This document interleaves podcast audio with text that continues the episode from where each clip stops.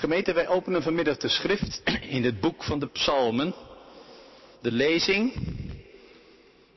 is de psalm waar het over gaat. Psalm 147. En aansluitend zingen we van die psalm de eerste drie coupletten. Gods woord in het boek van de psalmen. Halleluja. Hoe goed is het te zingen voor onze God. Hoe heerlijk Hem onze lof te brengen. De bouwer van Jeruzalem, dat is de Heer. Hij brengt ballingen van Israël bijeen. Hij geneest wie gebroken zijn en verzorgt hun diepe wonden. Hij bepaalt het getal van de sterren. Hij roept ze alle bij hun naam. Groot is onze Heer en oppermachtig. Zijn inzicht is niet te meten. De Heer richt de vernederden op en drukt de goddelozen neer. Heft voor de Heer een hymne aan. Zing voor onze God een lied bij de lier.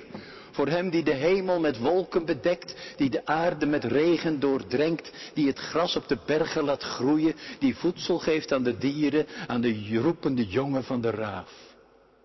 Niet de kracht van paarden verheugt hem, niet de sterkte van soldaten geeft hem vreugde. Vreugde vindt de Heer in wie hem eren en wie, in wie hopen op zijn liefde en trouw. Prijs Jeruzalem, prijs de Heer. Loof Sion, loof je God. Hij heeft de grendels van je poorten versterkt, het volk binnen je muren gezegend. Hij geeft je vrede en veilige grenzen. Met vette tarwe stilt hij je honger. Hij zet, zendt zijn bevelen naar de aarde. Vlug als een renbode gaat zijn woord. Hij laat het sneeuwen als wol, rijp strooit hij uit als stof. Hagel werpt hij in brokken neer, wie is tegen zijn koude bestand? Hij zendt zijn woord en alles smelt. Hij stuurt zijn adem, de wateren stromen. Hij maakte zijn woorden aan Jacob bekend. Zijn wetten en voorschriften aan Israël. Met geen ander volk heeft hij zich zo verbonden. Met zijn wetten zijn ze niet vertrouwd. Halleluja. Hier eindigt de psalmlezing. Het is een hele psalm en ik werd getriggerd door die laatste versen. Dat is een beetje de aanleiding tot mijn preek. Een lastig lied heb ik het genoemd. Na die hele prachtige beschrijving van de natuur af en toe hij maakte zijn woorden aan Jacob bekend, zijn wetten en voorschriften aan Israël. Met geen ander volk heeft hij zich zo verbonden. En met zijn wetten zijn zij niet vertrouwd. Gemeente van Jezus. Het lijkt op een heel aantal plekken in dit lied een lied van allemaal. Ik denk aan het moment dat mijn vrouw en ik, dat is jaren terug, met een groep jongeren in Zwitserland tegenover de grote drie stonden. Eiger, Munch, Jungfrau. Velen voor het eerst. En spontaan begon iemand te zingen en allemaal deden ze mee. Grote God, wij loven u. Heer, o sterkste aller sterken. Ja, wat wil je? Niet zo onbegrijpelijk, denk ik. Of toen wij jaren later samen een bezoek brachten aan de sterrenwacht in Sutherland op de grote Karo in Zuid-Afrika. En we stonden onder een sterrenhemel in een maanloze nacht. En even later keken we via de telescopen met geweldige kijkers de schatkamer van de sterren in, de jewelbox. En we zagen melkwegen. Het kwam bij ons beiden binnen. O Heere, onze Heere, hoe heerlijk is uw naam op de ganse aarde. U kunt misschien zulke momenten aanvullen, soms heel dichtbij, onder je eigen dak. Oh. En daar horen woorden uit deze psalm bij. Hij bepaalt het getal van de sterren, hij roept ze alle bij hun naam. Groot is onze Heer, oppermachtig die de hemel met wolken bedekt en de aarde met regen doordrenkt, die het gras op de bergen laat groeien. Hij zendt zijn bevelen naar de aarde, vlug als een renbode gaat zijn woord. Hij laat het sneeuwen als wol, strooit rijp als stof, werpt hagel in brokken neer. Hij zendt zijn woord en alles smelt. Hij stuurt zijn adem en de wateren stromen. Zo zingen velen in de wereld. Mensen ervaren wereldwijd allemaal diezelfde gevoelens van kleinheid, afhankelijkheid, bewondering voor wat hen omringt. Raken in vervoering. En eerlijk doet het niet goed als je buurman, die je nooit in de kerk ziet, nooit op geloof kon betrappen, zo reageert of als die iemand die bij Thijs aan tafel zit, er moet toch een God zijn. Iets dat de oorzaak is van alles wat wij zien, wat we krijgen. Achter de knal, maar bij Matthijs van Nieuwkerk moet je niet verder gaan dan de knal.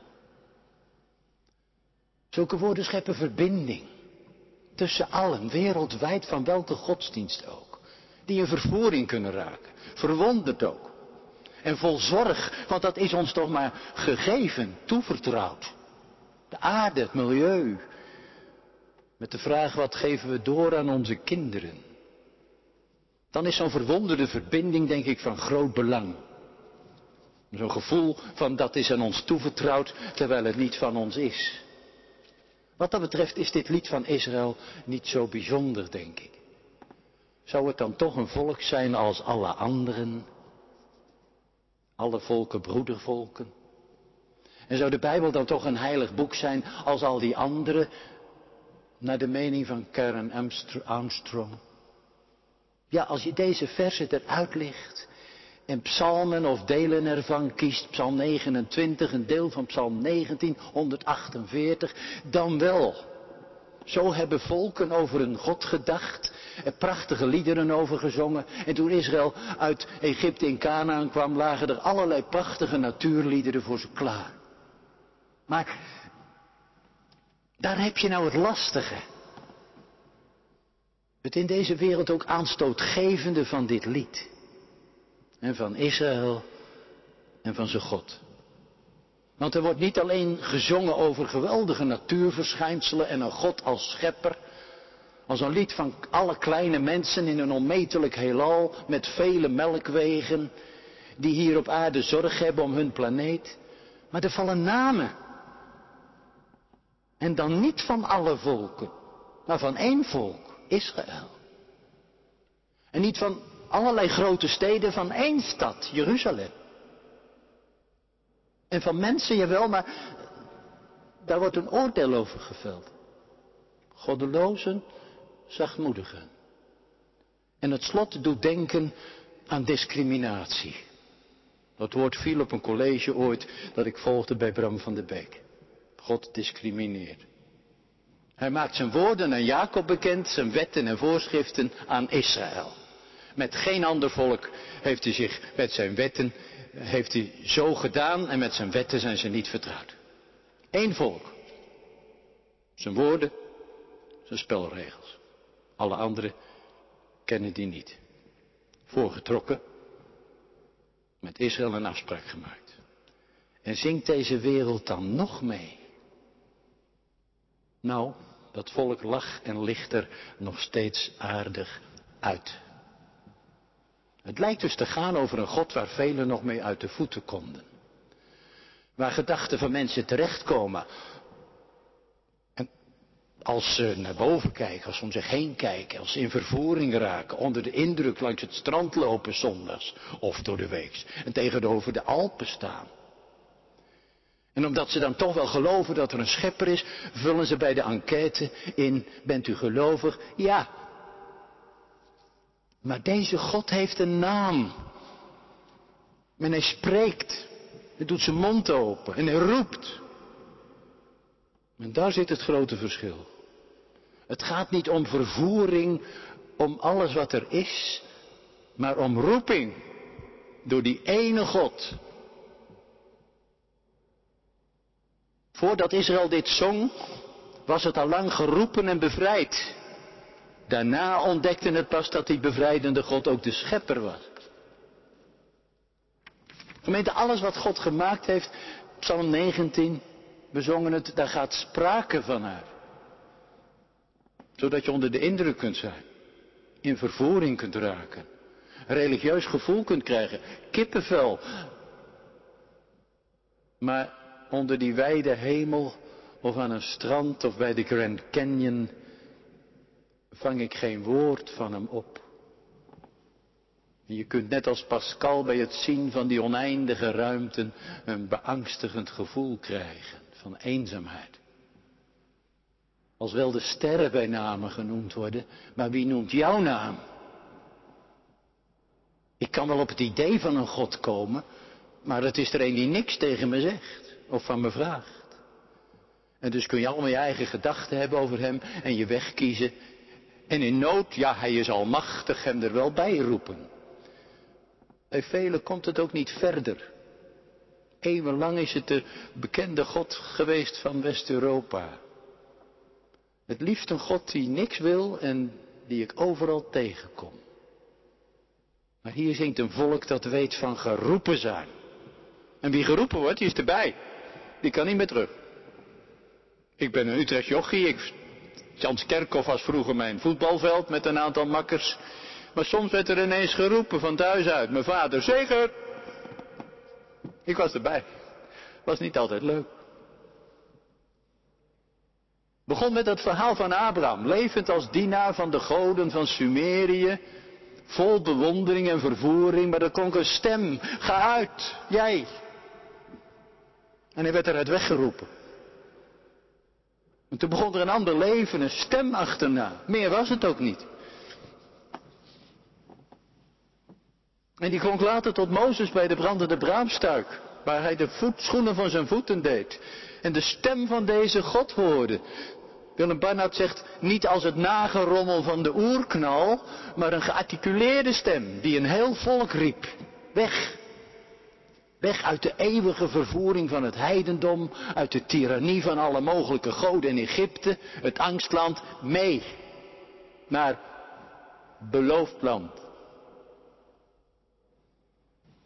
En hij noemde zijn naam. Alle anderen heten God, maar deze heeft een naam. Heere. Ik zal erbij zijn. Nu sloot een verbond met dit haveloze volkje. En vroeg hen tien keer om er ook bij te zijn. Hij gaf ze spelregels voor het leven op zijn aarde, de Torah. Met andere volken deed hij dat niet. Gemeente, hij is er niet op uit dat mensen met een woordeloze eerbied en met stomheid van verwondering geslagen naar boven blijven kijken. Naar een almachtige bovenbaas of iets dergelijks. En blijven staan bij de vragen hoe alles toch is ontstaan en wie alles toch gemaakt heeft. Maar erop uit dat het op zijn aarde er goed aan toe gaat. Daarom staat bij hem niet de zegen van voorspoed centraal, zoals bij de Baals en zoveel goden, maar het doen van recht en gerechtigheid. Om deze God gaat het in het hele Oude Testament, die bij de aarde en mensen met al zijn emoties betrokken God. En die roept ze, lees ik in Exodus, ze zijn net door de zee getrokken, de haren zijn misschien nog nat, zou je zeggen. Jullie zijn een koninkrijk van priesters. Een heilig volk. Jongen, een koninkrijk, dat klinkt verheven, maar van priesters. En dat zijn mensen die namens God bij anderen zijn. Die van offeren weten. Daar heb je hun roeping. Nou, ze hebben het geweten. Een Jood vroeg, wou je ook een poosje uitverkoren wezen? Met de spanning tot vandaag de dag toe. Israël, ben je een koninkrijk vol met priesters? Of ben je priesters die zich als koningen gedragen? En zo laat hij aan de hand van dit ene volk zien waar hij op uit is met alle volken. Waar hij heen wil met zijn wereld. Waar je aan toe bent met die ontroerend geweldige schepper. Die niet door mensen bedacht is omdat ze anders het leven niet aan zouden kunnen. Velen lukt het aardig. Maar de God die mensen bedacht, omdat hij ze nodig wil hebben. En ze roept. Maar de vraag is, wil ik dat? Wil ik zo, net als hij, erbij zijn? Daar heb je het spannende en lastige van dit lied. Vooral die psalmen. Van een verre zwijgende God die alles veroorzaakt heeft, op gang gebracht heeft, daar kan ik me nog wel van afmaken. Maar van een die zich zo inlaat met mensen, met zijn aarde. een rabbijn zei die met ons door de modder van de Rode Zee is komen lopen. En die je bij je naam aanspreekt en antwoord vraagt. En die ons met huid en haar bij zijn aarde en bij de mensen betrekt.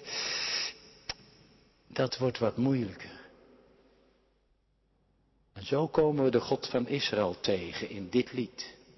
Een bij de aarde en mensen betrokken God. Wiens woord, wiens roep ooit vlees geworden is, mens geworden is. In die ene zoon, Jezus. U weet misschien de titel van een boek. Jezus, daar gaat God. Dat. In hem bleek hij erbij. En toen ging het heel diep. Toen nam hij de verantwoordelijkheid op zich voor deze wereld met haar schuld en lijden. En ter Pasen, feest van de uittocht, weg, eruit weg, geroepen. En het werd Pinkster en de wind stak op. En deze naam waait zomaar de wereld in, over de grens van het uitverkoren volk heen. De naam van Jezus die mensen roept, volg mij. Dat kleine irritante joodje, zei iemand een keer, die me altijd voor de voeten blijft lopen. Gemeente, ik weet de tijd nog dat ik weggeroepen werd in mijn eigen leven. Uit de godsdienst waar ik bij grootgebracht ben en ik heb daar de Heeren leren vrezen, godzijdank. Nou, uit de godsdienst met al de verpakking daaromheen en het vroom proberen te zijn en soms een dubbelhartig leven, wel en niet meedoen weggeroepen. Ik herinner het me nog. Er was een stem die je pakt, die je meeneemt. En in elke dienst kom ik hem tegen met zijn roep. Later werd me duidelijk, die had me al geroepen toen ik van niks wist op een zondag in mei 1940 en door het doopwater heen gegaan ben, door de Rode Zee heen. Toen is mijn naam geroepen, Zegert. Geen wonder dat de gemeenten in het Nieuwe Testament door Paulus en Petrus voortdurend geroepenen in Christus Jezus worden genoemd. Petrus schrijft heel mooi die tekst uit Exodus die ik net citeerde aan die verstrooide christenen, meestal armen, zonder hoge status, die de roep hadden verstaan, jullie zijn een uitverkoren geslacht een koninklijk priestervolk.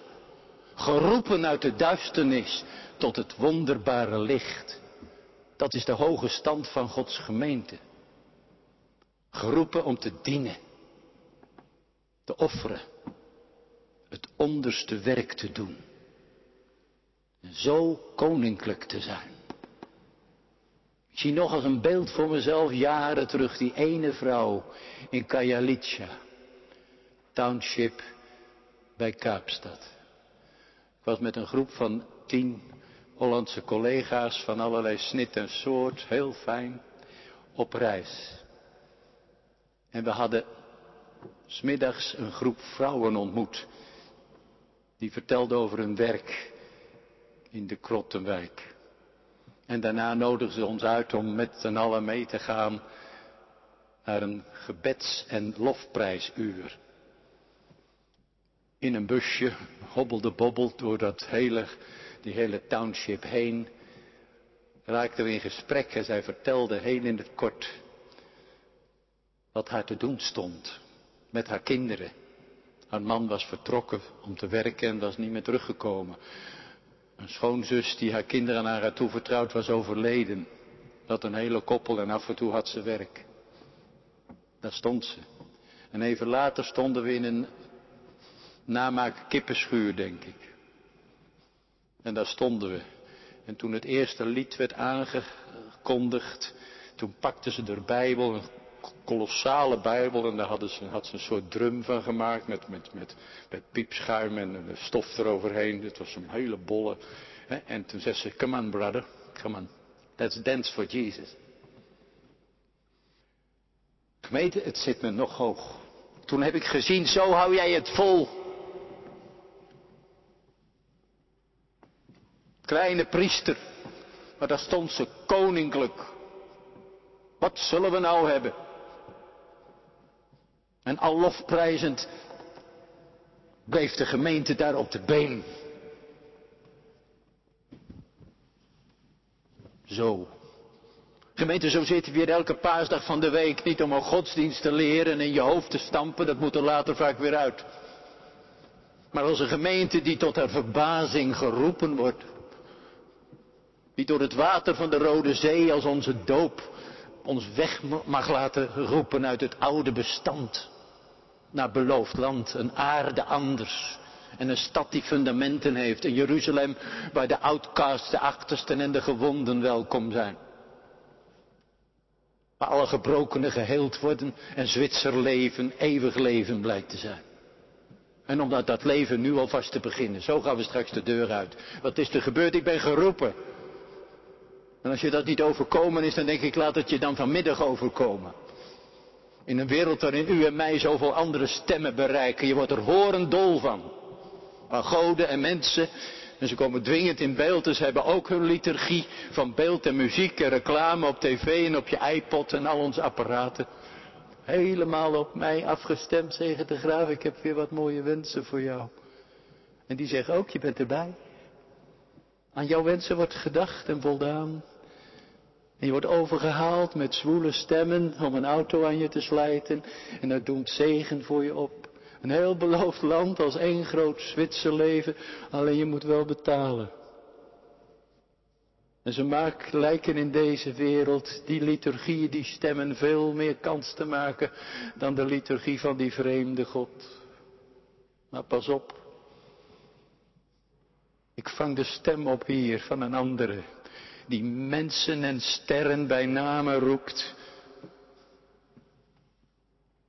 Sterren en mensen. En die zelf een outcast werd. Die God van Eigermunch en Jongvrouwen van vele melkwegen. Waarvan ik op een kruisbeeld in het Sauerland las. Dit stond er, im schönen Werken der Natur sieht man das große Gottesspur. Doch willst du ihm noch größer sehen, bleib denn an seinem Kreuze stehen. De mooie werken van de natuur. Kom het spoor van God tegen en we zingen ervan, grote God. Maar wil je hem nog groter zien?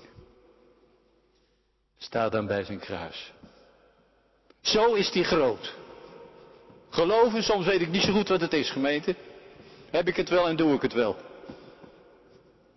Maar is het in zijn diepste kern niet dat je niet meer los kan komen van deze Heer en zijn roep?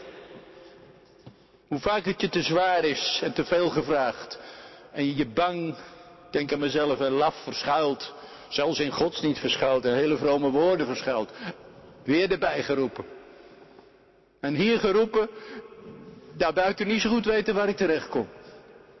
Want geroepenen hebben hun leven niet in eigen hand. Die leven out of control.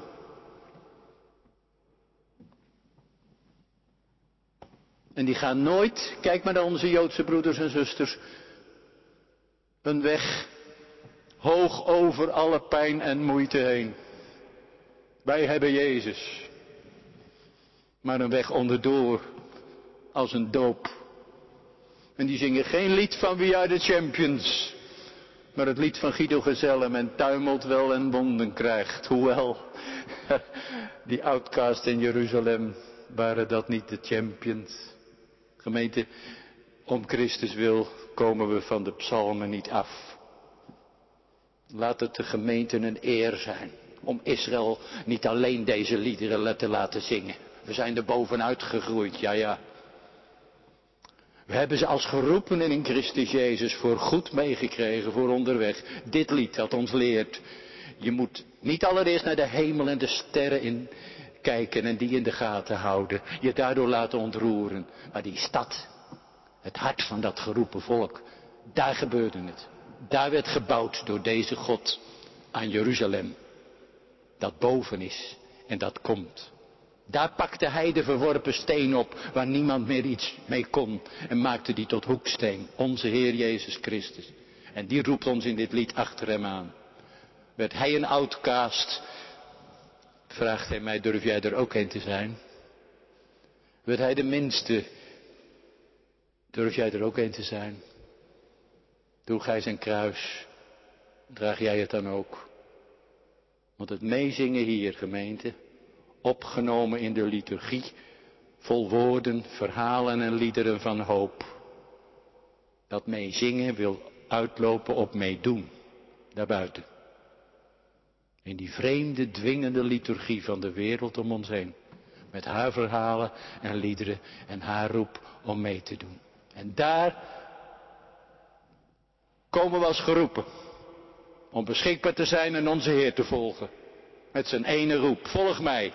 Erbij zoals Hij. Die in allerlei mensen van de week weer ons pad zal kruisen. Ik vond het terug in een kort gedicht. Over Petrus. Toen de Heer hem riep, zaten zijn handen vol schubben en hij stonk naar de vis. Maar de Heer riep en dat was genoeg. Laat het ons genoeg zijn vanmiddag. Van tijd tot tijd in vervoering, maar ook geroepen. Halleluja, amen.